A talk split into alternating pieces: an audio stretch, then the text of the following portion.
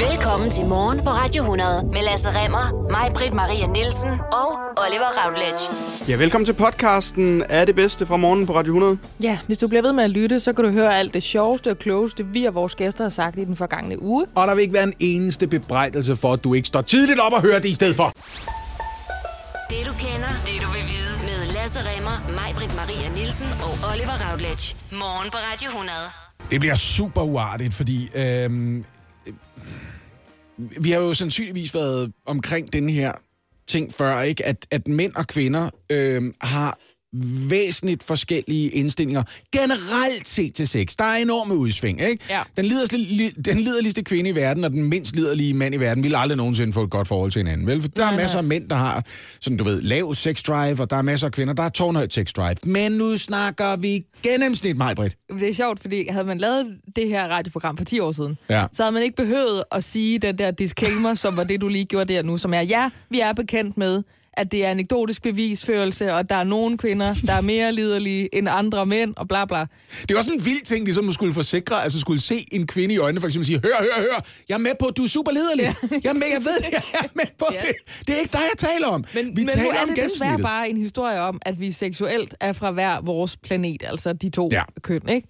Tag et repræsentativt udsnit øh, af mænd og kvinder mellem 15 og 89 år. Repræsentativt betyder, at så har vi ligesom sørget for, at alle øh, indkomstgrupper, alle baggrunde, øh, alle geografiske demografier er repræsenteret. Sådan at det, det svarer til, ja, hvor mange mennesker bor der i Holbæk i forhold til på landsplan, og så er de også repræsenteret. Ikke? Lad os tage 100 mænd og 100 kvinder mellem 15 og 89, som repræsenterer befolkningen. Stil dem op på en række, øh, efter hvor meget lyst de har til sex. Ja. Det her det kommer alt sammen af den der sexusundersøgelse, vi allerede har snakket en smule Ja, om.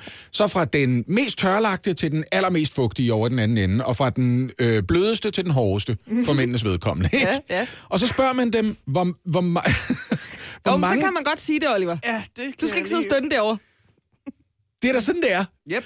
Ja. Så, ja, så, spørger man dem, bare, Lasse. så spørger man dem, hvor ofte har du lyst til sex? Fra aldrig. Det har jeg aldrig lyst til. Jeg er aseksuel. Jeg har ikke lyst til sex. Til ret mange gange hver eneste dag. Ja. Okay, så slår du lige ned i midten. Altså gennemsnittet. Nu snakker vi gennemsnit. Der Ja. er enorme udsving og enorme overlap. Heldigvis, ellers vil ingenting fungere. Mm. Så spørger du den mest gennemsnitlige kvinde, så siger hun, jeg har lyst til sex mindst en gang om ugen. Mindst en gang om ugen. Okay. Det er da dejligt. Det kan være derover, ja, men det minimum kan, en gang. det, det kan det være. Det er, hun er så ikke den, der svarer til øh, øh, mindst hver dag, for eksempel. Det er ikke noget, hun svarer, men hun siger mindst en gang om ugen. Hvad så, hvis man gør det samme med mændene? Så gør man det samme med mændene. Så siger øh, manden, jeg har lyst til sex mindst 4 til seks gange om ugen. Mindst. Mindst 4 til okay, 6. det er et ret højt minimum i forhold til det kvindelige minimum. Ja, og det er jo ikke bare sådan et performativt svar, det her. Den slags sorterer man fra. Og med mm. performativt svar mener jeg det her. Det er ikke bare sådan, manden siger, ja, altså, når, hvis der er nogen, der spørger mig, mand, altså, hvor liderlig er mand? Jeg er en rigtig mand. Jeg er liderlig hele tiden, mand. Jeg er hele tiden liderlig. For helvede. Jeg ved, det er Thomas Bo Larsen, der står midt i den her række. Jeg ved ikke, hvorfor lige pludselig står der. Men er ligesom, Jeg er lederlig. det er altid en havnearbejder fra Amager nu. Nej, nej, det er sådan et ret ærligt svar. Det er mænd, som rent faktisk siger, nej, det har jeg i hvert fald hver anden dag, og mere end det. Faktisk næsten hver dag. Det vil ja. jeg Ja. gerne indrømme. Der har jeg lyst til, at der kunne det være rart. Men det, jeg kan mærke, at altså, man skal jo næsten passe på med at rise den forskel op. Det er ligesom om, det er blevet forbudt at sige, at mænd har en større libido end kvinder, fordi der må ikke være den forskel på os. Og hvorfor har de så det? Ja, det er nemlig det, ikke? Så ja. Begynder man at spørge sig selv, er det fordi piger øh, opdrages til at være mere dydige. Ja. øh, mens drenge får at vide, at du er en bedækker, og du skal køres rundt fra gård til gård? Eller er det noget, der måske også er betinget af, at testosteron gør mænd både aggressive og liderlige? Måske har det også noget at gøre med, at det er nemmere for mænd at få en succesfuld oplevelse med sex. Altså med kvinder skal man jo sætte sig ind i det og arbejde for det, og kunne bevæge sin krop og sine fingre og sin mund på en måde, som måske ikke alle mænd gider at rigtig sætte sig ind i, hvordan fungerer. Du har ret i, de, øh, de dele af mænds kroppe, som det føles ekstra rart, ligesom at blive øh, holdt om, eller Stimuleret. på. stimuleret, eller hvad man ellers skal gøre ved det, ikke? Ja. Øh, de dele, de er meget nemmere for øje på at ligesom få fat i, ja. Ja. mens I har det med at pakke tingene lidt ind, kan man sige, ikke? På Jamen det mange er jo måder. et eller andet sted, at naturen jo lidt et røvhul på den måde, ikke? Ja. Ja. Altså det er jo ren og skær ind og ud friktion, så kan en mand få øh, en orgasme. Det er altså ikke helt nok for kvinder, der skal man sgu ned og arbejde for, for, for sagen. og det det, det gør vi gerne. Det er det egentlig. Jamen, det- og det er der mange af, Det er, der I ikke tager ansvar. Hvad sagde du? Men det er fordi, Oliver, han har sådan en mærkelig mantra med, at kvinder skal tage ansvar for deres egen orgasme. Hvor jeg siger, det er gruppearbejde, Oliver. Du skal levere din del af aftalen. Gruppearbejde lige frem. Okay, fair En gruppe for to. ja, en to-personers gruppearbejde ja. ting, det der. Det er selvfølgelig et interessant spørgsmål, det her, men det er det jo også på den måde, at når du spørger mænd, hvor tit har du lyst til sex, så skal man også lige huske på, Men det her, det er jo øh, forudsat, at han ikke nødvendigvis får det, hver gang han har lyst til det. Mm. Altså, det kan da godt være en mand, der siger, jeg har lyst til sex mindst seks gange om ugen. Hvis du så knaller ham to gange, så siger han, det er faktisk nok, viser det sig. det, er mere det, nu. det, det er mere det der med, at jeg ikke får det. Så jævnligt tænker jeg, nu gad jeg godt bolle lige nu. Ja. Ja. Og igen, og jeg gad også godt lige nu. Ja. Ja. Men hvis du så gjorde det, så kan det godt være, at du tænker, ah, det kan også vente til i overmorgen Men næste det er, jo, gang. prøv, det, er jo, det er jo så meget en kliché, der bliver jo lavet karikaturtegninger, og Ja. ja. året, der gik, og Svigmøllen, og hvad vi har over det her med, at at kvinder har ikke lige så meget lyst til at knalde efter en vis rumtid i det faste parforhold, som mænd har. Der sker Ja. et eller andet. Pludselig bliver det vigtigere at få smurt nogle flotte madpakker og få lagt dem på Instagram, end det gør at få givet øh, manden en sutter ud af entréen, ikke? Ja. Ja, og, det Og hvorfor er, er det så? Og det er jo en af de ting, som folk virkelig har samlet op på her. Det er blevet kønsdebatten, det er. Er det i virkeligheden, fordi mænd bare er nogle skuffende elskere, og så gider man faktisk ikke have sex med dem Jamen, så det tit? det. I får Er lov til at knalde os, når I skal knalde, men vi skal knalde jer. Hvor er det surt? Men det viser sig også den modsatte vej jo, altså at hvis selv når det gælder sex med en selv, så er kvinder heller ikke lige så optaget af det. Vel, du Nej. ved, mænd onanerer dobbelt så ofte, som kvinder gør. Ja. Øh, ser væsentligt mere porno. Vi er bare på en eller anden måde sådan helt chimpanseagtigt besat af, er der hul? Hvor er der et hul? Vis mig for helvede det. Det er for stort, det hul. Det er for lille, det hul. Det er tilpas. Det der, vi er lidt guldlok med huller på den måde. ikke? Guldlok med huller! Ja, det skal ikke være for stort, og det skal ikke være for lille. Det er bare det, jeg siger. Spørgsmålet er bare, hvor, hvor kommer så det her fra? Og det er jo sådan noget, så kommer øh, forskerne til at diskutere øh, med, med de mere sociologiorienterede mennesker af rigtig lang tid fortsat. Mm. Det er sådan, det ender med at være, ikke? Må jeg så bare sige, hvis vi skal ud af den her sexus-snak, Ja. altså skud ud til alle de kvinder, der er mere lidelige end deres mænd, for det tror jeg også kan være lidt tabuiseret at have vildt meget lyst til sex i en verden, hvor vi alle sammen går rundt og bræger om, hvor meget mænd har lyst til at knalde i forhold til det kvinder. tror jeg sker oftere og oftere. Mænd, som også ligger under for den der ting, men du har fandme aldrig, det er virkelig en kæphest for mig, undskyld udtrykket. Men det er med det er med tit, man ser sådan nogle film og tv-serier, ikke? Hvor ja. der er en kvinde, der lige hiver en mand i slipset, og så kommer en mand i et skab, og så kan han bolde hende med det samme. Ja. Det tager ikke sådan noget 30 sekunder lige at få gang i en erektion eller sådan noget. Han er bare hård hele tiden. Ja. ja. Bare hun peger, så er det nok ligesom at sige, dig, dig gad jeg godt bold med. Åh, hvor er jeg heldig! Ja. Jeg er så hård lige nu, bare fordi du sagde, du Ja, godt ja, ja, gad. Vi er jo ikke 15 alle sammen, mand. Nej. Ellers er det bare mig, der er 47. Men det, er jo, men det er jo også den der altså sådan kønsstereotype fremstilling af mænds seksualitet. Ja. Det er jo... Det, altså, hvis der- Banaler lige til. Ja, præcis. Og Ja. ja. altid klar til at præstere, hvor at kvinder må gerne være sådan en østers, man skal ned og tale pænt til i tre kvarter, ikke? Lige præcis. Du må godt lige sige simsalabim, sesam, sesam, Ja. og komme med de 40-20 røver, før du træder ind og knupper på lampen. Men så hvad det, vi kan konkludere, det er, mænd er bare altså, fysiologisk, psykologisk mere liderlige end kvinder. Der er ikke noget, vi kan gøre ved det. Sorry. Vi kan øh, diskutere i hvert fald, hvad det skyldes. Det ja. Kan vi da sagtens fortsætte med. Ja. Men uanset hvad det skyldes, indtil videre er vi stadigvæk der, hvor mænd gad godt bolle. Så øh, det var øh, intet nyt herfra. Intet nyt fra Vestfronten. Sydfronten faktisk, ja, når det ja. kommer til... Og jeg tager... det- Og du skal ikke til det personligt, men jeg tager lige øh, den her forholdsregel, hvor jeg ruller 20 cm længere væk fra dig. Ja, Maja, er men det okay, hvis jeg lige... det er øh, fint, fordi du kan ikke nå mig nu, vel? Nej, og jeg tager luft ind, men Yes. jeg er vred, øh, jeg er gravid, jeg er hormonel, og derfor bliver jeg dobbelt så vred, som jeg måske normalt vil gøre. Mhm. Mm-hmm. For nu skal vi til en historie om vanvidsbilisme, fordi normalt så hører I jo mig sige, at overvågning og især sammenkøring af data over en bred kamp er mega forkert. Det er alt det der med, at hvis man ikke har noget at skjule, så har man ikke noget at frygte. Og så plejer man at sige, nej, men det, det skal jo ikke være det for fanden, der er standard minimum. Vi skal jo kunne bevæge os frit rundt i det, i det her samfund, ikke? Also, jeg er ikke 100% sikker på, at dig, der har adgang til det der, jeg ikke skal frygte, du bruger det som vidtighedsfuldt. Jeg stoler ikke 100% på Præcis. folk, jeg ikke kan se ansigterne på, når de sidder og kigger nogle optagelser igennem og siger, hvor var Lasse i går? Men efter jeg er blevet billigst, der må I filme mig direkte op i røvhulshullet, fordi hold nu fast. Hvor er nogle bilister bare skrubbelløse og fortjener, synes jeg, at få klippet deres kørekort i bitte små stykker, som de efterfølgende bliver tvunget til at sluge i en klam smoothie, der er blendet med tis. Hvem er det, du øh, tænker på her? Grunden til, at jeg lige nævner det her, Lasse, mm. det er, at når politiet så faktisk blitzer en vanvidsbilist, så kan de ikke sammenligne billedet fra fotofælden med de fotos, der findes på vores allesammens kørekort og i vores pas for den sags. Ah, det giver mening. Det er derfor, jeg har fået sådan nogle e-boksbreve, når jeg har kørt 63 km, hvor man må køre 50, med sådan et billede, hvor de har øh, slettet, hvem der kunne sidde på passagersædet og sagt, fortæl os, hvem det her det er! Jeg Ja. tænkte, det er jo mig. Det er jo mig, der sidder i min bil jo. Fordi i deres register, der findes de fotografier simpelthen ikke. Og det havde jeg ikke fantasi til at forestille mig. Nej. Jeg troede simpelthen, jamen for fanden, I filmer os jo i hovedrøv i forvejen. Det her, det ligger de ikke inde med. Mm. Og konsekvensen er, at det hæmmer og forlænger, øh, kan vi sige, retsopgøret med de her fartsønder, som altså ikke ønsker at tale med politiet. Så politiet, de kan ringe og skrive, som du siger, de kan hente sig i e-boks øh, herfra og til juleaften. Men med mindre folk, de tager telefonen eller møder op, hvis de bliver tilpagt øh, på stationen, så sker der ikke en skid. Det er mig, du snakker om. Jeg tror faktisk, jeg har glemt at svare på en af dem der. Det er mig, der sidder der. Ja, det og er... prøv at høre, nu skal jeg fortælle dig, hvad den tekniske årsag er. Hvad det helt altså, øh, kategorisk er, der sker her. Ja. Fordi når politiets automatiske trafikkontrol, det er også mm. det, der bare bliver forkortet ATK, blitzer en bilist, så bliver sagen sendt videre til det, der hedder Politiets Administrative Center, PAC. Det ligger i Holstebro i øvrigt. Det er altså de der varevogne, der står ude i vejkanten og lige blitzer os, ikke? Ja, ja. Og hvis sagen den så ikke kan afsluttes her, altså fordi ejerne eller føreren ganske enkelt lader være med at tage telefonen, når politiet ringer eller svarer på deres e-boks henvendelser, så vil sagen blive sendt videre til de enkelte politikredse. Okay, ja. Og der kan de ikke gøre noget, for de kan ikke finde de her billeder frem.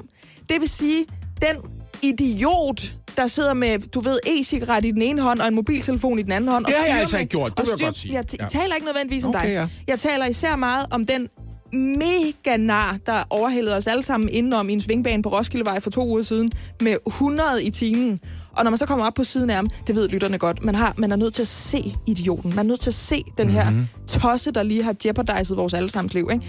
Så synes jeg altid, det er sådan en eller anden ung mand med en kasket, der ligger oven på hovedet, imens han hører e-cigaret og hører et eller andet gangster-rap. Og jeg bliver så rasende. Jeg bliver så en gammel dame, mm. der har lyst til at gå ud og tæske ham med altså, lommetørklæder og min stok og mine børns fremtid. Ja. Jeg bliver så rasende, og derfor kan jeg mærke, at jeg bliver mindre liberal af at være blevet bilist. Måske også af at skulle være mor lige om lidt. Jeg er også meget hormonel. Jeg tager det virkelig personligt, det her. Du siger, lige når det gælder det her, så bare personregistrer os og, og billederne i hoved og røv. Bare film os lige op i numsen, du. Jamen, det har jeg det egentlig også fint med. Det vil jeg synes var okay. Du må godt sammenligne billeder, som du har blitzet, hvis du allerede har besluttet dig for, at jeg har kørt for eksempel 12 km for stærkt i en byzone. Fordi det skal jeg heller ikke. Du må godt sammenligne det med det kørekortbillede, du alligevel har liggende. Selvfølgelig må du det. Det er også nemmere for mig. Altså, Jamen, jeg, jeg kan bare slet ikke mærke den der harme, jeg normalt vil have, fordi jeg er liberal, og jeg synes, at vi skal ikke overvåges. Lige i det her tilfælde, der synes jeg, alle skal overvåges. Vi skal gå nøgne rundt for en statsopereret kamera, fordi jeg vil ikke finde mig i det mere, og jeg mærker det selv ude i trafikken. Jeg har Ja. været i den i et halvt års tid, og jeg sidder nogle gange med svedige hænder og hjertebanken, bare fordi jeg befinder mig på en dansk motorvej klokken halv tolv om formiddagen. Det kan fandme ikke være rigtigt. du har simpelthen mig tilladelse til at lave om på det her, hvis du sidder et eller andet sted med beslutningsmyndighed. Film os! Så er det sagt.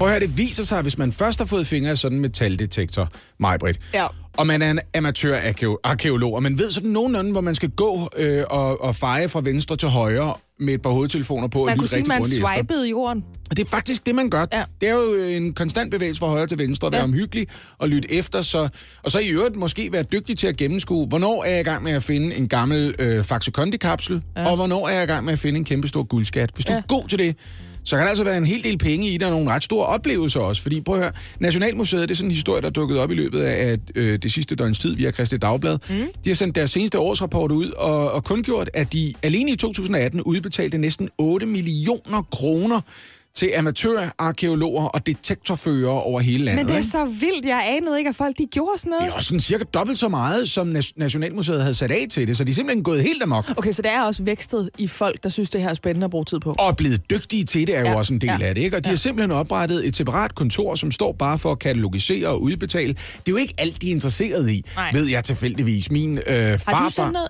Nej, min farfar, han okay. havde sådan en flinteøkse liggende. Meget, meget smukt velbevaret flinteøkse, han havde fundet ude på egen mark på et tidspunkt. Så han indvendte sig til Nationalmuseet. Sagt, hvad er det noget, I er interesseret i? Jeg sagde, nej, vi har så mange, de. Vi har rigtig mange. Er det virkelig her." rigtigt? Ja, ja. Jeg har jo masser af. Han har gået og pløjet, og så er den lige kommet op, ikke? Og det Fordi er, ikke det- sådan en, det er ikke sådan en grov en, den er virkelig pæn. Ja, altså, ja. men det er fordi, jeg, jeg blev så opmærksom på det her med, alt der ligesom hedder danefæ, mm. det tilhører bare automatisk staten, og derunder øh, Nationalmuseet, og det skal bare afleveres. Men så får man også med? en findeløn, det er jo det. Ja. Præcis. Og derfor troede jeg, at det var altså, nærmest uanset, om du så har fundet altså, en, en hvad ved jeg, tusind år gammel tampon, eller, Ja, eller ja, ja. så skal du bare aflevere den. Altså, de er interesseret i alt, men det er de så åbenbart ikke. Det er ikke skidt at tilbyde det, lige at Nej, sige. nej. Er det noget, der har historisk interesse, som I mangler noget af? Ja, ja. Men det viser sig, at der er mange ting, som de har masser af. Så Der er pilespidser. Bare, pff, Ja. har vi. Vi har dem. Men tak skal du have. Dem kan du have liggende hjemme på kaminen. En hvid pil efter det, ja. Ja, lige præcis. Ja. Nå, men altså en af årsagerne til det, det er også, at, og hold nu godt fast, for jeg elsker det her lidt, Jeg holder ikke? fast. Øh, detektorteamet Team Rainbow Power Er det en gruppe af mennesker med metaldetektorer, der kalder sig det? Ja, grænvoksne mennesker. Kæft, jeg det. øh, historien melder ikke noget om, om de er bronies, fordi altså, jeg kommer jo til at tænke på Rainbow Dash fra uh, My Little Pony. Ja, jeg er far til to døtre. Jeg har set rigtig meget. Det tror jeg. My Altså, jeg kan se et Pony. billede af dem her øh, på nettet nu. Det er Ja. nogle skønne, glade mennesker. Kæft, bliver man åbenbart glad af at lede efter øh, altså danefæ nede i jorden. Jamen, de, de, lige præcis den gruppe er jo også stolte, fordi øh, deres udbetaling faldt også i 2018. Det var over en million kroner. Det næst højeste beløb nogensinde udbetalt for danefæ i Danmark. Wow. Ja, de fik en million og 66.000, og det var for øh, fæstedskatten, som de fandt ligesom i to ombæringer i løbet af 2016. Okay. Øh, først så fandt de nogle mønter, og så gik det amok, så finder de nogle armbånd og så videre. Det ender med sammenlagt omtrent et halvandet kilo guld. Der er det jo også dejligt, de amatørarkeologer ikke bare Ja. går direkte til en eller anden guldpusher et sted og siger, hvor, hvor meget grammet for det her, ikke? Jo, jo. For det viser sig, at det er jo kæmpe stor historisk betydning, det her. Ja, Teorien er, at fæstet guldskatten, den er fundet sådan, du ved, over i nærheden af vejen. Så Ja. ikke så vanvittigt langt fra Jelling, jo. Du Altså, ved, jeg er jo nødt til at øh, indrømme, når du siger det med den der helt indforståede stemme. Ja. Jeg havde ikke hørt om den før. Altså, jeg kender til guldhornene, og det er nok cirka det. Men prøv at høre, det er præcis sådan, jeg har det. Ja. det er, jeg har heller ikke hørt om dem før, og nu siger du guldhornen, ikke? Ja. En tredjedel af Team Rainbow Power, Marie Ågaard Larsen, hun sagde i forbindelse med, at de fandt øh, fæstedskatten, jeg har altid været misundelig på dem, der fandt guldhornene. det er jeg ikke længere. er det ikke fedt? Er det, det fedt. det synes jeg er fedt. Nå. Ja. Det viser sig, at teorien om den her kæmpe store guldskat, som de simpelthen fandt på en mark, det er, at det har været øh, gaver fra Gorm den Gamle, som han så har besejlet en alliance med den tysk-romerske kejser med, for ligesom at sige, øh, prøv her, øh, skal vi være enige om, at øh, vi har en deal her, her er nogle, øh, det får, nu får I lige noget guld. Ja, ja, ja. Og så er I på god fod med Danmark, og så nu kører det fedt for os. Skal vi lave den aftale? Hvordan det så ender med, at der er nogen, der ligesom har sat det i banken ved at grave det ned i Ja, jorden ja. et eller andet sted? Jeg vil sgu da også til Jelling og gå rundt og, og, og swipe med den der metalpind. Man kan også blive rig af det, altså. Du behøver ikke engang køre så langt, fordi du ved, den største guldskat nogensinde fundet på dansk jord, Ja. og den, der fører til den største udbetaling, det var kun 50.000 mere, men det er stadigvæk over en million. Ja. Og en masse guldmønter, man fandt på en mark på Møn. Du bare kører ned på Møn. Nå. Ja. Ja, bare. Jeg tror ikke, du finder Ja, ja, noget. det er ikke bare, men, men det, det kan man selvfølgelig gøre, ja. Man skal også have nogle teorier om, hvor i det her område har stormændene holdt til.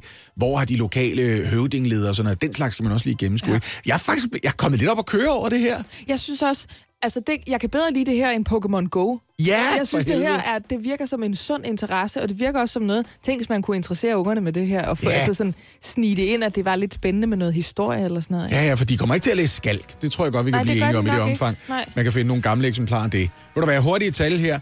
Øh, Nationalmuseet udsendte 527 såkaldte danefæbreve i 2017. Øhm, 2018 er var det blevet til 2.554 danefæbreve. Okay, så det er populært, det her. Det er i kæmpe vækst for øjeblikket, Majbrit. Hvad laver vi overhovedet herinde? Jamen, jeg skulle også til at sige, det var da det, man skulle have været. Ud på marken med os for Ja. fanden. Hjælp en, du holder af med at tage det første skridt til bedre hørelse. Få et gratis og uforpligtende hørebesøg af Audionovas mobile hørecenter. Så klarer vi det hele ved første besøg, tryk dig nemt i eget hjem. Bestil et gratis hørebesøg på audionova.dk eller ring 70 60 66 66.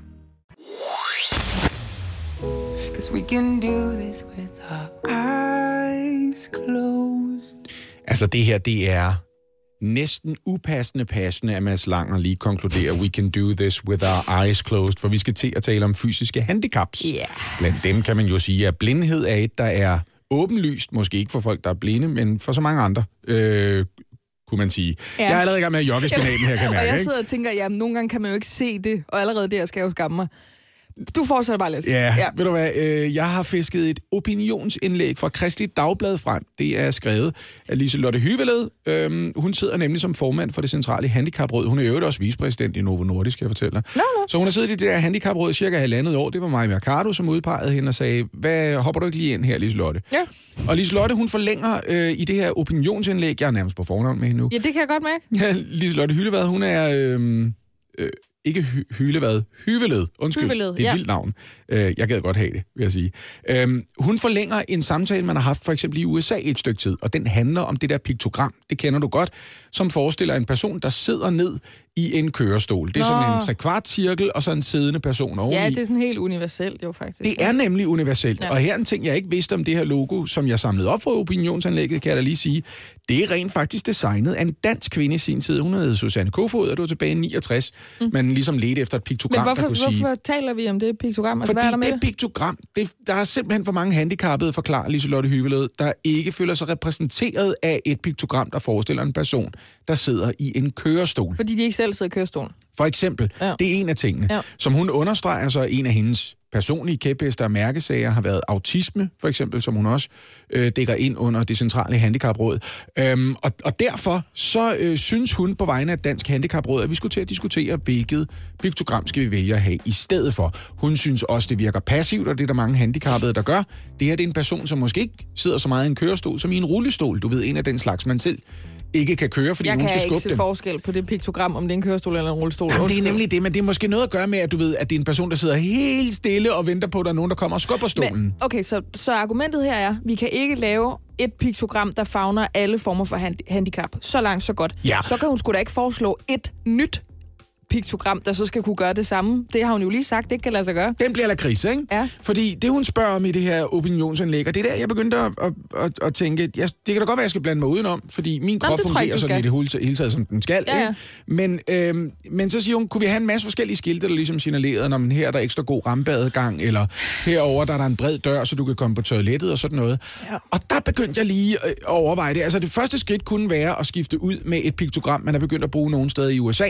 Og der ligner det mere en sportsudøver i en sportskørestol, ikke? som læner sig frem med vindmodstander, armene tilbage, og bare hjuler afsted med, det ved jeg ikke, 40 km i timen eller sådan noget. Mm. Det er blevet populært, fordi det siger ligesom, hey, I'm on the go, jeg kan klare mig selv. Okay, Ikke? så i stedet for at have et piktogram, som er universelt og let aflæseligt, let at afkode, når man bevæger sig rundt i offentligheden, Mhm. mm-hmm. så skal vi nu have altså, tusind forskellige, der svarer til et hvert handicap, der måtte findes.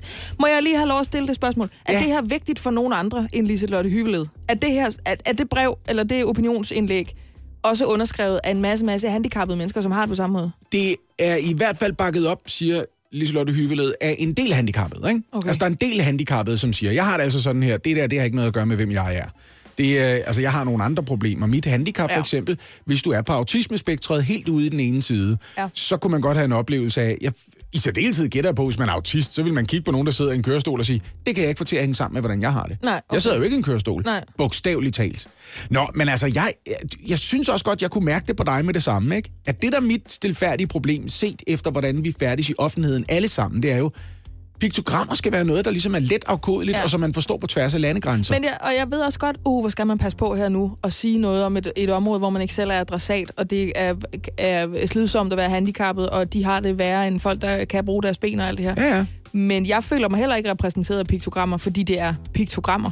Altså, Nej. det er meget... Lige i dag har jeg kjole på, men ellers, når jeg skal tisse, er det rigtig tit, jeg ikke har kjole på, men jeg går alligevel ind der, hvor der er en dame med en kjole på. Og det er sjovt, du siger det, fordi de personer er jo også enormt passive. Ja. Der står jo bare en mand helt stille. Ja. Hvorfor kan jeg ikke få et billede af en mand, der tisser?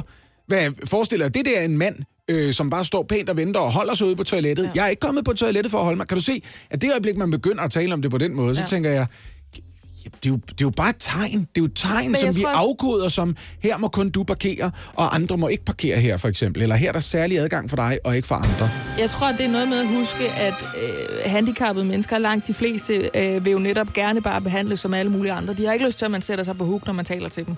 Og derfor så tør jeg godt at sige, at, at det her virkelig vigtigt. Er det virkelig det, der er den største udfordring, eller noget, man, man dagligt bliver såret over, eller, eller føler sig misforstået over, hvis man er handicappet? Har folk virkelig gængst et problem med det piktogram, eller finder vi bare på ting nu? Skulle vi lige spørge rundt først i hvert fald, for Det at finde ud af, hvor udbredt problemet er. Ikke? Ja, ja. Og så kan vi snakke om det bagefter, snarere end at der er en, der sidder i toppen og siger, min vurdering er. Ja. Ja. Og hvis du er en mimose, har sarte ører, eller slet ikke har lyst til at høre noget om dealer, så er det nu, du slukker for morgenholdet på Radio 100. For vi skal tale om penisbilleder, om dick pics, øh, og mere konkret de umotiverede af dem, altså dem, som bliver sendt igennem luften, uden nogen egentlig rigtig har efterspurgt dem. Mm. Fordi ifølge en undersøgelse fra Opinion, lavet på vegne af Institut for Menneskerettigheder i år, så har 21 procent af de 121 adspurgte kvindelige folketingskandidater ved sidste valg oplevet seksuel chikane i form af kommentarer og beskeder på sociale medier. Øh, Så vi tager den lige igen. Mm-hmm. Hvorfor er det, at de her kvinder, og kvinder i almindelighed, ikke kun dem, der har magt eller gerne vil have det, men også bare kvinder, der har en indbakke et eller andet sted, skal blive ved med at have de her umotiverede dick pics. Mm. Det har Kenneth Reinicke, som er mandeforsker og lektor ved Roskilde Universitet, et bud på. Han siger, nogle mænd gør det for at chikanere, men de fleste gør det for at demonstrere noget over for dem selv og modtageren. Det er for at få en fornemmelse af magt. Magten i at eksponere sin, ja, det er altså det, han siger, pik på den her måde, uanset om modtageren kan lide det eller ej. Og så kan der være et håb om at opnå en erotisk reaktion hos modtageren, og så tilføjer han, at man kan faktisk på mange måder sammenligne det med at være blotter. Man håber simpelthen på sådan en chok-effekt, og måske kan man bilde sig selv ind, at vedkommende bliver så overrasket, at det eneste, hun kan finde på efterfølgende, det er at tage kontakt til en. Mm-hmm. Lasse, du har også en holdning til de her dick pics, fordi du køber ikke helt den der med, at det handler om magt. Du tror, at det er sådan lidt af en fejlpræmis, at, at mænd de sender pik igennem luften for, for at få magt. Jeg indrømmer, jeg indrømmer, at jeg er skeptisk hver gang nogen citerer Kenneth Reinicke, mandeforskeren. Det Ja. er, fordi jeg synes tit, han siger noget vrøvl. Ja. Altså, jeg synes tit, at- og jeg ved godt, at han kalder sig forsker, men jeg synes ikke, han henviser til forskning, der bekræfter, hvad han siger. Så jeg, har, jeg er altid så lidt forbeholden. Men hvad synes du så? Kan- Har Nej, du lavet noget mandeforskning? Ja, ja, ja, ja, jeg har kigget på, hvad der er af empirisk forskning på det her område. Mænd ja. sender penisbilleder, fordi de tror, at kvinder vil sætte pris på det, de selv vil sætte pris på. Vi vil gerne have nøgenbilleder. Det var derfor, der var en kvinde på et tidspunkt, som sagde, så prøvede jeg at google nogle vagina-billeder, og så sendte jeg dem øh, tilbage til mænd, når de sendte mig penisbilleder. Mænd bliver rigtig glade. Ja. Mænd bliver super glade for at modtage dem, og det er derfor, mænd sender penisbilleder. Vi tror, I kan lide det, Ja. og ingen kvinder kan lide det. De mænd, der gør det, tror oprigtigt talt, kvinder sidder for det første føler sig smiret, og især, det hvad undersøgelserne siger, at I bliver en lille smule seksuelt stimuleret af det, siger, at det var da frækt alligevel. Og de mænd, der gør det, ikke bare lider de af den misforståelse, de har også gennemgående en oplevelse af, at deres penis er mere attraktiv end deres ansigt. Og det er derfor, de sender et billede af tidsmanden i stedet Ja, for. okay. Men Lasse, tror du så ikke, at der er forskel på? Fordi jeg vil, jeg vil gerne gå ud af den vej med dig. Ja. Du, du kan sagtens have en pointe. Jeg har jo ikke forsket i det. Jeg kan jo bare se, hvad Det har jeg jo heller ikke, men jeg, har- jeg har kigget på underbygget af, hvad Kenneth Reinicke siger. Tror du så ikke, at der er forskel på at være en kvinde, måske en ung og attraktiv kvinde, som er ny i det politiske game, og som gerne øh, vil have magt, og på ingen måde skammer sig over at sige, jeg vil gerne råde over en beslutningsproces, som er de færreste for ondt. Jeg stiller mm. mig frem, Ja. jeg har taget jakkesæt på, jeg er en powerkvinde, og så sidder der nogle øh, murmelmænd rundt omkring og tænker, kvinder skal fandme ikke have magt, de skal bare have noget pik her af min på et billede på Messenger, det har du ikke bedt om. Jeg ved ikke, om det er et penisbillede som sådan, man ville gøre der, men det er rigtigt, der er jo folk, som, øh, når de er uenige med kvindelige politikere, eller ikke kan lide dem, eller gerne vil sætte dem på plads, Ja. ja. så er der mænd, som bruger øh, seksuelt lavet sprog, som er meget aggressivt. ja. Ikke? Du ved, du kan huske ham, den unge fyr, som synes, at det var sjovt at skrive til Johannes Schmidt Nielsen, og nu citerer jeg, bid i puden, skat, jeg kommer tørt ind. Ja, det er noget seksuelt. Ja, og han der. grinede bare sådan lidt og sagde, det var også åndssvagt. Det ved jeg ikke, det siger bare meget grineren, der skrev Ja, det. ja. Og du ved, det er jo også bare en fyr, der ikke laver en forbindelse, som siger, du skriver til et rigtigt, virkeligt menneske, som ikke bare synes, det er ubehageligt, men som kan blive rigtig bange for det her. Ja, præcis. og tænke, hvor meget ligger du bag det, du siger, alle ved, at det er grineren. Nej, jeg kan ikke læse dine tanker. Men også fordi- Fremmede mand, der skriver til Og mig. det, og det viser jo også noget om, vores hjerner, fordi jeg kan tit få det sådan, at jeg kan blive helt rasende over at høre på, hvad Morten Østergaard siger, for eksempel. Ja, ja. Jeg er meget uenig med ham, men er der aldrig nogensinde faldet mig ind og trække bukserne ned, og så skrive hen over mit mobiltelefonkamera, og så sende ham et billede af min vulva, og så skrive, kan du fatte det, Nej. din øh, dumknæk?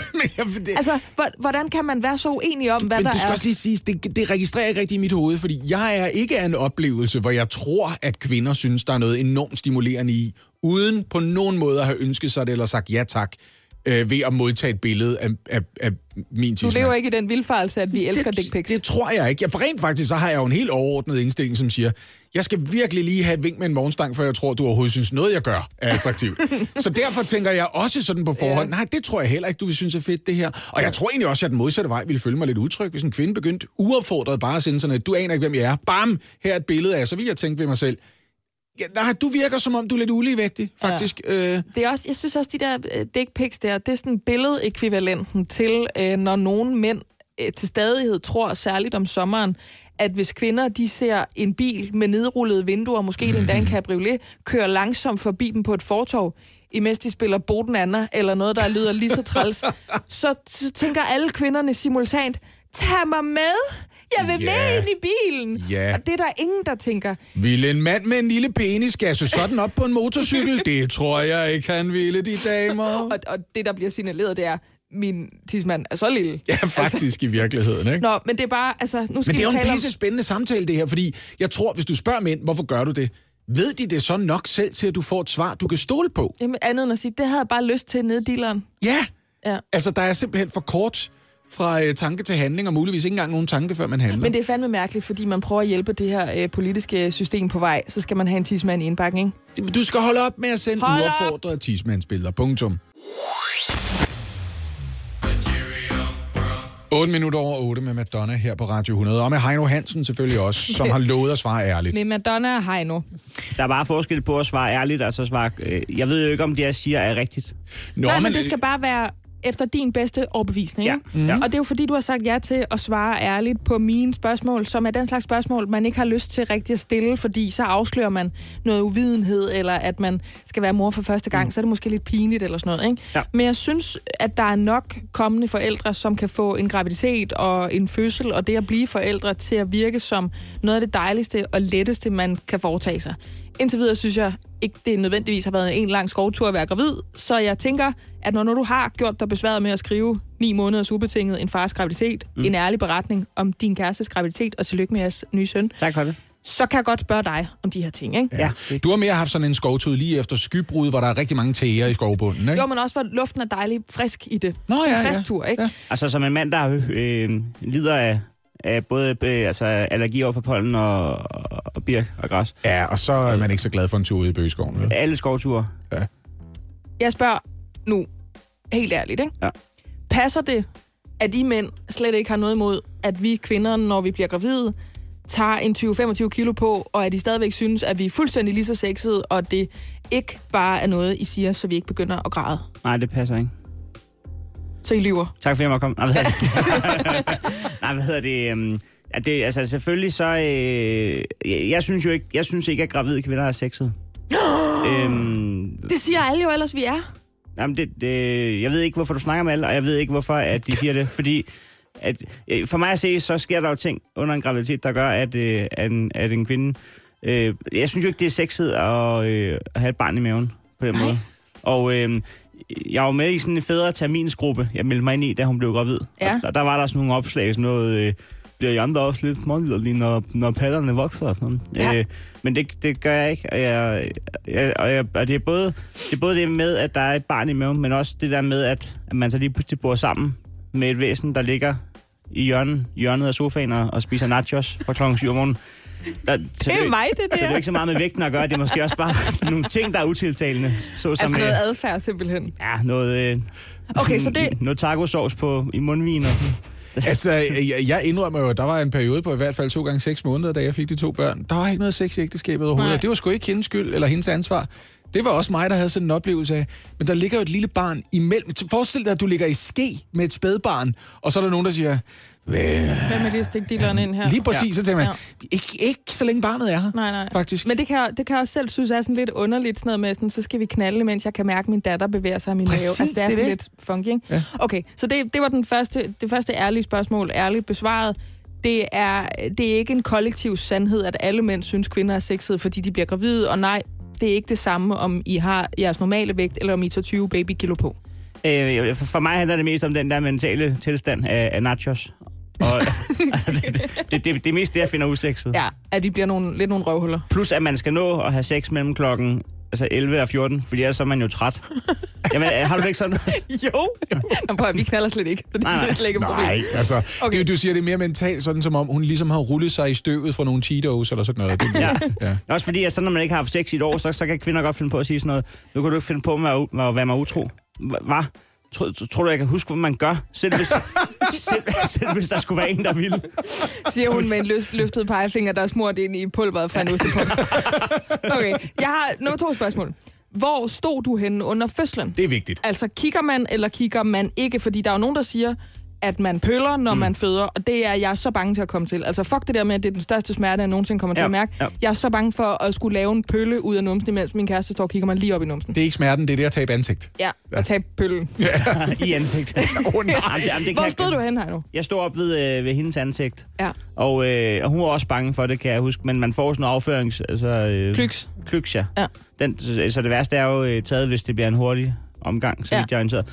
Jeg stod op ved ansigtet, og jeg lå også, og jeg ikke ville følge med, men nu er jeg jo lidt skildret, så jeg kunne lige... Øh, men men, ja, men, øh, men der, der, der, det blev jo en kompliceret... det blev jo en kompliceret omgang. Øh, så, så, øh, så jeg, nåede faktisk, jeg nåede faktisk at se, da, da han kom ud med, med sugekop. Okay, Også selvom vi havde aftalt, at jeg ikke måtte og sådan noget, men det blev sgu også lige spændende nok til sidst. der vil man godt lige følge med alligevel. Og der er der så meget smerte forbundet der, at øh, hun opdager ikke, hvis man, lige, Nej, men, hvis man lige går ned og kigger. Nej, alle regler ryger på det tidspunkt. Ja. Ja, ja, så er det sådan lidt, men så... okay, så er det bare lige det sidste opfølgende Ja. spørgsmål for nu, og så er vi nok nødt til at sætte noget musik på. Øh, Desværre havde jeg næsten lyst til at sige. kan man så få et seksuelt forhold til det område igen, når man har set det blive jævnet med jorden? Det vil jeg gerne ringe ind og fortælle, hvis det sker igen. Åh. Men prøv at høre, det er jo det, man er bange for mig, Britt, det er at vende tilbage til en krigszone, og så viser det sig, ved du hvad, det er lidt ligesom at komme tilbage til et kvarter, man har boet i, og det kan godt være, der er åbnet en ny kiosk herovre, men ellers er det Der ligger meget... da en froyo der. Jeg... Lige præcis, men du kan godt finde rundt stadigvæk, og det er egentlig som om, det er især dejligt at komme tilbage til kvarteret igen. Altså, vil du ikke sætte noget pyko på? Jo, jo, det skal jeg nok. Dengang jeg var ung, var der kun marker her. tak skal du have for det. Ja, tak. Ved du hvad, øh, bliv lige hængende, ikke? Det er forfærdeligt, det her. Ja. Lige om lidt, så er vi lige nødt til at runde den her, øh, jeg har lyst til at kalde det pølsebolle-gate. Medister-gate, vinterfest-gate. Øh, det er. Julevintergate, faktisk. Ja, det er Dansk Folkeparti, der er ude med, med lortepinden øh, og rører øh, en vældig storm op igen. Og vi, øh, vi bider på. Er det noget med, at de for øjeblikket kigger på meningsmålingerne og tænker, kan vide, hvilken lort vi skal stikke en pind i, for at vælgerne kommer tilbage igen? Kunne det være lidt Fordi det? vores vælgere, de elsker jo bare lort på en pind. øh, ja, vi kigger lige på det i hvert fald, fordi der, der er sgu lige noget, der ikke rigtig giver mening. Føtex vinterbolle. Aldis vintermedister. Peter Skaarup og andre muslimtrætte eksistenser kan på det sidste se knæfald alle steder, de ser hen, men vi er altså lige nødt til at komme med en tilføjelse. Ja, hvis du har fulgt med i hele julevintergate her, så virker det altså som om, der er noget ret afgørende, man har glemt i den her iver efter at beskytte Danmark mod mennesker, som vil ændre landets kulturelle DNA en bolle eller pølse af gangen. Og det er, medisterpølse er lavet af svin. Det gider muslimerne altså ikke at købe. Uanset om alle de så kaldte deres medisterpølser for korankøller, så vil de 100% ikke sælge.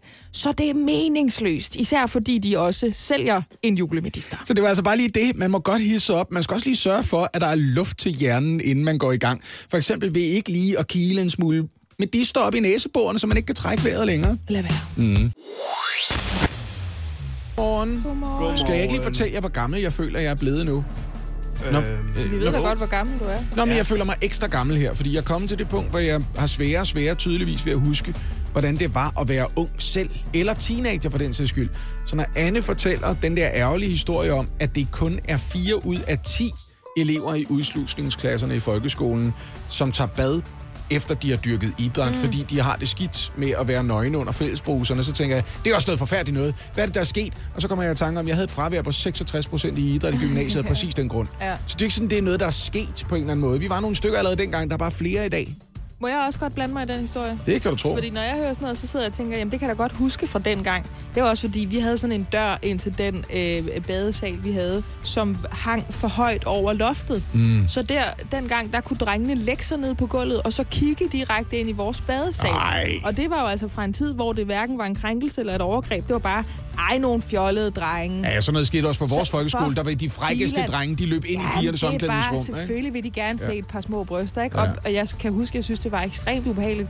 Men jeg vil da også indrømme selv, efter jeg er blevet voksen, jeg tager i svømmehallen en gang imellem. For eksempel lige for tiden gør jeg det faktisk tit, fordi det er rart for min tunge, tunge, ømme krop at blive vægtløs. Mhm. Men jeg nyder aldrig den der seance med at stå i et fællesbad med andre damer med, med alle tissekonerne og de lange bryster og sådan noget. Jeg synes ikke, det er en fornøjelse at være nøgen sammen med andre mennesker på den måde. Det er der sjældent nogen, der gør, er der ikke det? Altså, Altså- altså det er jo lidt, nu har jeg spillet en del fodbold. Og det der bad efter fodbold, der er med også mange på, på det fodboldhold, jeg har spillet på, som... Nej, det springer ikke lige over, så tager de et bad derhjemme i stedet mm. for. Jeg tror, ud af et hold på, hvad har vi været? 12, 13 stykker. 5 eller 6 og tog et bad. Men så er der jo Ja. også stadigvæk de mennesker, der er helt over i den anden grøft, som bare tænker, det kan da godt være, at det er, det fælles faciliteter i en offentlig Men jeg svømmehal. barberer mig. Det kan du stole på. Og så skal der lige høvles nogle hæle bagefter. altså, Men det er jo også, der er jo altid, jeg rejser mig lige op for, at I kan se, hvad jeg mener, ikke? Ja. Der er jo altid den her dame, og så benet op, jeg kan næsten ikke, benet op på bænken, sådan så hun blotter både altså, tisselyren og numsi bumsi. Ja. Og så skal den bare have med den blå Nivea-kruk op og ned, ikke? Ja, ja. Imens man sådan tænker, jeg kan se din indre kønslæber, Birgitte. Ja. Vil du ikke sætte det ben ned på jorden? Det må du godt altså, lige gøre i hvert ja. fald, ikke? Eller, eller, i- eller i hvert fald lige stille dig i en vinkel, så det opleves, Så som om du ikke gerne selv også vil være lidt. Det, jeg siger, er bare, i den periode, hvor man er sindssygt følsom, og hormonerne de raser i ens krop, og man har store ører og bumser, og ens bryster går ondt, og hvad har vi? Der kan jeg godt forstå, at man ikke synes, det er så fedt at være nøgen sammen med alle de andre. For det bliver aldrig rigtig fedt, heller ikke, når man bliver voksen. Nå, det, så det er budskabet til dig, der er 14 lige nu. Det bliver ikke bedre. Det bliver ikke. det bliver Det er vi ked af, men det gør det fandme ikke. Nej, og det er også bare den ærlige sandhed, ikke? Det var en dyster historie, så lad os prøve at trække mundvinen en lille smule op, tænker jeg. Ja, øhm, vi har jo lige snakket om de her nazi-memorabilia, så jeg vil næsten sige øh, fra en slags lort til en anden, øh, den mere konkrete slags. Fordi vi skal tale om en spray til toiletkummer. Mm. Fordi med en øh, helt ny spray til toiletkummer, så jamen nu bliver stemningen øh, munter igen, der håber videnskabsmænd på at kunne spare store mængder vand på verdensplan endda, og måske endda på at kunne gøre toiletbørsten mere eller mindre overflødig. Det er jo også et forfærdeligt ulækkert aggregat, når man lige tænker over, hvad fanden det er, ikke? Ja. Også fordi du har ikke et andet toilet, du kan skylle efter i, efter du har brugt toiletbørsten, vel? Det er bare, altså, en pøllepind, der bare står ude på dit toilet. Det er bare permanent. Det er forskere fra Penn State University i USA, som har udviklet en ny pøllespray, der skulle have endnu bedre, og det her, det står i artiklen, glideegenskaber end teflon, altså det, man kender fra stegepander for eksempel. Ifølge testresultater, så kan den her spray nedsætte efterladenskabers klæbeevne til toiletkummen med 90 procent. Ej, hvor er det dejligt, dejligt at høre, at ens bummelumme ikke længere kan brænde på. Det synes jeg er så godt. Og så kommer vi til det mest groteske citat, jeg tror, jeg nogensinde har læst op. Jeg var meget glad for at se, hvor let afføringen gled ned af overfladen, som var blevet sprayet. Og det siger Tak Sing Wong fra Penn State University til The Guardian, som har den her historie. Og jeg har sådan et billede af kontrolcentret hos NASA, det øjeblik, ja. det lykkedes at, at lette med den første står måneraket. 100 mænd i hvide skjorter yeah! og bare klapper helt vildt, fordi nu var der ikke mere pølle nede i kummen. Men også fordi, hvis du skal teste det, så skal du have nogle folk ind til at sidde og pølle, rejse sig op og sige, I må godt gå ud og kigge. Men tror du ikke, det er ligesom, ligesom hvis man skal vise et, en bindreklame? Jo. Så er der altid sådan noget blå væske. Ja. Og man finder sikkert også noget, der har de samme egenskaber som menstruationsblod, for eksempel. du ret i. Nogle gange er det marmorkugler, for vi skal slet ikke Så- tænke på noget Vi skal jo slet ikke tænke på kroppens efterladenskaber. Jeg ved ikke, hvad de har kunne finde her. Måske noget, noget chokoladeganache fra den store baglis, eller et eller andet, de har ned i toilettet. Men det, det er både en lorthistorie, det er også en sjov historie, det indrømmer jeg, men det er fandme også historien om, at der åbenbart ikke er flere problemer i verden nu, mm. siden Præcis. at det at skrubbe vores eget lort ud af toilettet, det skal automatiseres, det skal vi have en spray til. Så i stedet for at stå med den der toiletbørste, som er, det medgiver jeg, sindssygt ulækker, Ja, ja. så skal man spraye kummen i stedet for, fordi så glider pøllerne ned, og du får simpelthen en pølleglide oplevelse, som du bare ikke får andre steder. Men er det en engangsoplevelse med den her spray, eller skal man gøre det hver gang, inden man skal pølle? Skal man så Det virker lige dumt. Det spraye virker dumt. toilettet? Fordi Det melder artiklen faktisk ikke noget om, men jeg vil tro, hvis den er så kraftig, at den er vildere end teflon. Og det putter man jo bare på en gang på en pande. Det er jo ikke som, at man så har teflon beklæder sin stegepande hver Ja, gang, man er skal du bruge den. ret i. Så vil jeg tro, man, man måske, skal vi kalde det, nu siger jeg bare noget. Altså nu trækker jeg bare noget ud af røven, faktisk. kunne det være om 10 år måske, så kunne man købe de der skide dyre toiletter, det kunne være et ifø eller sådan noget, ikke? Ja. Har I Det har er med set at de prøve at der... blive semantikken, og så er det med, med pølleteflon-effekt, så man ved, man skal aldrig have en toiletbørste til at stå nede ved siden af toiletspanden. I har jo set de der YouTube-videoer med folk, der sprøjter noget nanospray på nogle bukser, og så nemlig. spiller de bevidst noget øl på dem bagefter, og så glider det bare af. Jeg som skal om... ikke se en reklame, hvor man bevidst spiller noget lort ned i toilettet, og så Nej, glider men det bare altså, ud. jeg tror jo personligt, at om to generationer, mine oldebørn, de kommer for eksempel til at sidde og sige, og så brugte de rent drikkevand til at skylle deres puha ud. Ja, ja. Hvem, hvem brug... Hvem- rent altså, drikkevand? sindssygt, ja. 6 liter af gangen for en Ja, lille ja. smule tis. Hvad fanden tænkte de på, Ja. hvis vi havde haft det drikkevand i dag? Det tror jeg, de kommer til at stå og sige. Jamen, det tror Who knows? Det ved man jo ikke med sikkerhed, men hold kæft, det virker da vildt at bruge. Sådan en helt cisterne fuld af drikkevand. en ilandshistorie om pøllespray, som mm. kommer til os alle sammen lige om lidt. Få sig din uh, Føtex om 10-12 år, Måske, gætter vi ja. på. Hjælp en, du holder af med at tage det første skridt til bedre hørelse. Få et gratis og uforpligtende hørebesøg af Audionovas mobile hørecenter. Så klarer vi det hele ved første besøg, tryk dig nemt i eget hjem. Bestil et gratis hørebesøg på audionova.dk eller ring 70 60 66 66. Ud fra et sundhedsmæssigt perspektiv er det ikke nødvendigt for kvinder at menstruere hver måned. Det kan da være sundere at lade være. Det fremgår af nye artikler på forskellige medier. Det er med andre ord tid til at tale om menstruation igen. Derfor har vi allieret os med Ida Duncan, hun er læge og øh, formidler i gruppen Læger Formidler, som laver artikler, film og podcast om sundhed og sygdom til de sociale medier. Og godmorgen til dig, Ida Duncan. Godmorgen. Hvorfor er det faktisk øh, helt okay at udsætte sin menstruation? Jeg troede, det var sådan noget, man helst skulle lade være med, fordi det forstyrrer kroppen lidt. Ja, men det, det er nok en af, af lægevidenskabens øh, bedst bevarede hemmeligheder, at man sådan set ikke behøver at menstruere. Øh, jeg tror, det har været for gammel tid, at man har, har tænkt, at det kunne være godt, at, at kroppen på den måde lige kunne udrense sig selv. Men det er der altså slet ikke noget, som helst, der tyder på. Og der er jo rigtig mange kvinder, for øh, hvem menstruation er, er en ret betydelig gene. Altså, det, er jo, det er jo en uge om måneden for mange af de forbundet med øh, stærke smerter, der også kan lede til sygedage på arbejde. Det kan være så svær blødning, at man faktisk kan øh, gå hen helt og få blodmangel øh, af det. Og, og der kan være mange andre øh, scener ved menstruation, og derfor er det jo rigtig rart som kvinde også at vide, at man godt kan undgå det her. Hvor kommer den så fra? Altså, jeg, jeg tilhører øh, den måske sidste generation, så der fik at vide, det kan godt være, at du skal til Gran Canaria to dage, men det er altså ikke så godt det der med at bare fortsætte med p-pillerne, fordi kroppen skal lige have en pause. Altså, er det, er det en myte, og hvor øh, kommer den så fra? Jamen, det er det, det, er det jo nok, og jeg, jeg, jeg tror egentlig helt tilbage fra, da man opfandt p-pillerne i, øh, i 50'erne, og, og øh, Måske har det været et forsigtighedsprincip, at man gerne sådan, øh, man sige, øh, p-pillerne var jo også noget helt nyt, og nu kunne man ligesom øh, bruge andre måder at beskytte sig mod at blive gravid på, og derfor tror jeg, at der var mange, der lige skulle vende sig til tanken om, at man også skulle tage hormoner på den vis. Og så har der været øh, folk, der, der mener, at det simpelthen handlede om det, der skulle beskytte kvinderne også, øh, der var tilknyttet den katolske kirke, fordi der kommer man måske lidt at skjule, at man brugte prævention øh, som p-piller, ved at man netop beholdt den her blødning en gang om måneden. Hold da kæft. Hvor lang tid må man udsætte sin menstruation? Er det noget, man kan gøre på ubestemt tid, eller skal man bare springe en enkelt periode over i forbindelse med ferie? Hvad kan man tåle? Jamen i princippet, så, så, så, så kan man godt øh, helt lade være med at, øh, at menstruere på den måde.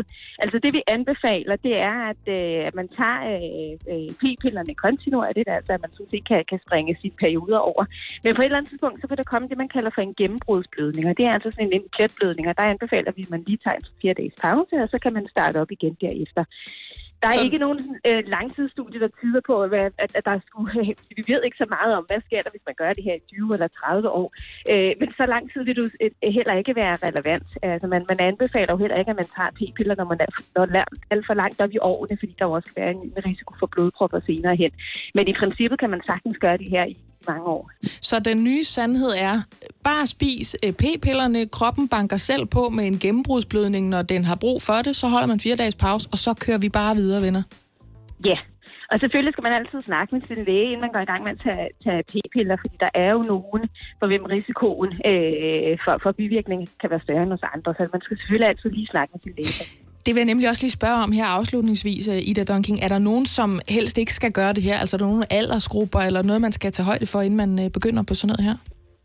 Jamen helt generelt så anbefaler vi jo øh, p-piller til øh, folk, der ikke har nogen større andre risici for eksempelvis blodpropper. Det vil sige, hvis du er svært overvægtig, hvis du har tendens til for højt blodtryk, øh, har blodpropper i familien, er ryger eller andet, så kan der være nogle grunde, der gør, at det her ikke er den bedste mulighed for dig. Der kan også være nogen, der har øh, øh, sige, risiko for depression eller andet, hvor at øh, pibelerne også nogle gange kan skubbe til, til øh, at sætte nogle humørsvingninger i gang. Så derfor skal man jo altid lige have sin læge med på råd, men er du helt almindelig sund og rask, og har du ellers god succes med pibelerne, så kan man sagtens gøre det her med at tage dem kontinuerligt, for det er igennem at undgå menstruation. Ida Duncan, læge og altså del af gruppen Læger Formidler. Tak skal du have. Jamen, det var så lidt. Kriminelle har for filan lenset statskassen for milliarder ved at lyve om moms og udbytte skatterefusion.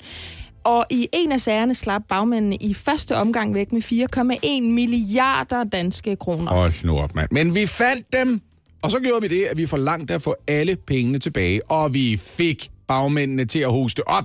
Vi fik 100% af cirka 40% af alle pengene tilbage. For små to måneder siden, altså i slutningen af september, der kunne Skattestyrelsen fortælle, at den danske stat havde indgået et forlig. Og bagmændene slap med at betale 1,6 milliarder kroner tilbage. For rigtig mange af de over 4 milliarder kroner var simpelthen havnet i andre lommer end deres egne. Og de penge fik de altså lov til at trække fra. Ja, det var en ret vild sag, men i går der kommer det så frem, at farsen den er slet ikke slut der. For blandt parterne i den her svindelsag, der er indgået for lige om, der var der en tysk bank, som hedder North Channel Bank. Og i forbindelse med svindelsagen, der blev North Channel Bank idømt en bøde på 110 millioner kroner. Og den bøde, den har bagmændene altså også fået lov til at trække fra udbyttet. Jamen, jeg har haft visse udgifter med at køre for stærkt, mig, Og det må Morten Bødskov, vores relativt nye skatteminister, altså stå på mål for nu. Ja, fordi øh, det her det er forklaringen. Det er den bedste aftale, staten kunne få. Og cirka halvanden milliard kroner tilbage ud af 4 milliarder, det er bedre end at få 0 milliarder tilbage ud af 4 mm. milliarder.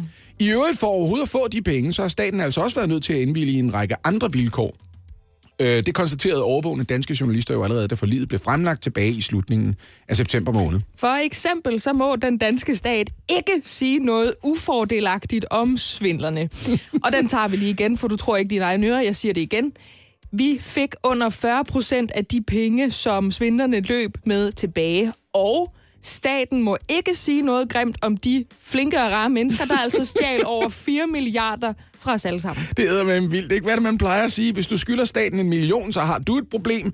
Hvis du skylder staten en milliard, så har staten et problem. Er det ikke sådan cirka sådan tingene er efterhånden? Jeg hader det her. Det er så vildt, det der. Jeg sveder. Ej, jeg kommer ikke til at betale hele den her fartbøde. Jeg har jo udgifter forbundet med benzin og vedligeholdelse af bil og alting jo. Okay, så sæt lige lyden på. Åh oh, nej, jeg kan ikke tåle det. Jeg kan ikke tåle mig, Britt. Fordi når vi hører den her lyd, så ved vi godt, hvor vi skal hen. Så skal vi til Claus Holm Slot, Ah. til Team Vladimirs meget altid oprullede skjorter, og til et rigtig flot snit her. Nej, vi skal min- nemlig til bagedysten. Min macaroons, der er for meget træk. Oh, vi skal også til Der er så Louise. varmt herinde i teltet. Oh, vi skal også til Louise Jensen, der røg ud af konkurrencen i sidste uge, fordi det var hende, der lavede La Sagrada Familia i brunkætter. Yep, det var hende. Og nu er det så kommet frem, Så at, er halvdelen af tiden gået. Hold kæft, Tim! At De hun var- arbejder her! at hun var sygemeldt med stress, og altså på sygedagpenge, imens hun deltog i programmet. Det bekræfter hun selv i en sms til Ekstrabladet. I sms'en skrev hun blandt andet, at det var, citat, afstressende for hende at være med, citat slut, og at det var efter rådgivning, at hun deltog og for at gøre noget for sig selv. Men jamen, så har øh, Louise Jensen altså også oplyst, at de her syge dagpenge, som hun har fået, de udelukkende kom fra, hvad hun kalder en privattegnet forsikring. Det er super. Der er bare det der med A-kasser. Det er kun øh, ens egen penge, man får retur. Og Der er nu 30 minutter tilbage. det skal jeg lige ret. Det er ikke kun ens... Jeg kan få...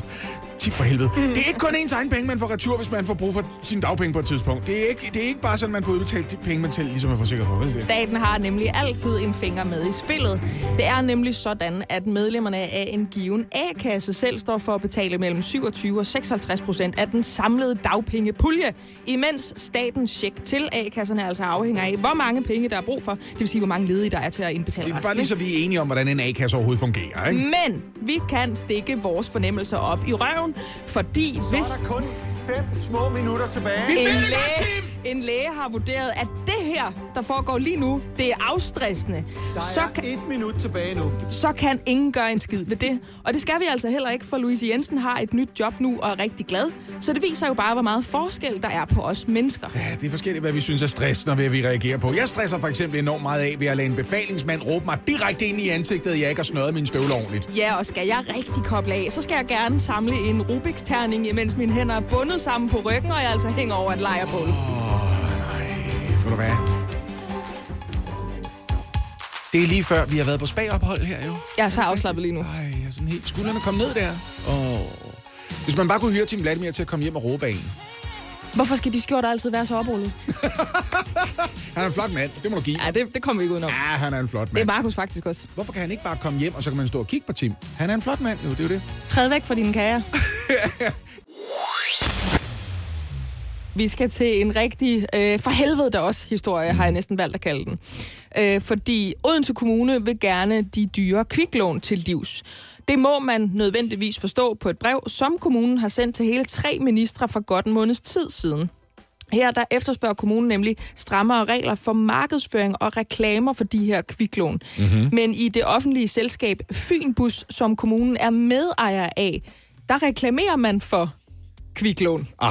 Ja, Ej, for I må helvede gøre, I må gøre, I må, Åh, den er også dum. I må gøre noget for at stoppe os, for helvede. Den er så dum. Ja. Ja. I det her brev, der bliver der foreslået at lave strammere regler for markedsføring, som jeg lige har nævnt, men der skulle også laves en øh, national oplysningskampagne til borgere omkring gæld. Det er altså det, man er bange for, at borgerne altså påtager sig i en udstrækning, de ikke kan overskue, hvis de optager et kviklån. Det kan hurtigt løbe løbsk. Men mens de her mange gode idéer er blevet sendt videre til borgen, så er Odense Kommune altså selv med til at sende reklamer for netop kviklån ud til tusindvis af borgere på siden af deres øh, bybusser. Ej, det er så dumt, så dumt, så dumt. I Fynbus, der er der udarbejdet et regelsæt for reklamer, som forbyder øh, for eksempel sådan noget som pornografi, propaganda eller reklame af polemisk art. Det er for at kunne stoppe bestemt politikere, ikke? Kviklån, ja, det er det formentlig. Kviklån må man altså godt reklamere for, lyder det. Så det vil sige, at der er ikke overtrådt nogen regler, men man har fået en idé i Odense Kommune, et eller andet sted dybt inde på Rådhuset, som man har glemt at sende ud i sin egen verden først, før man sendte det til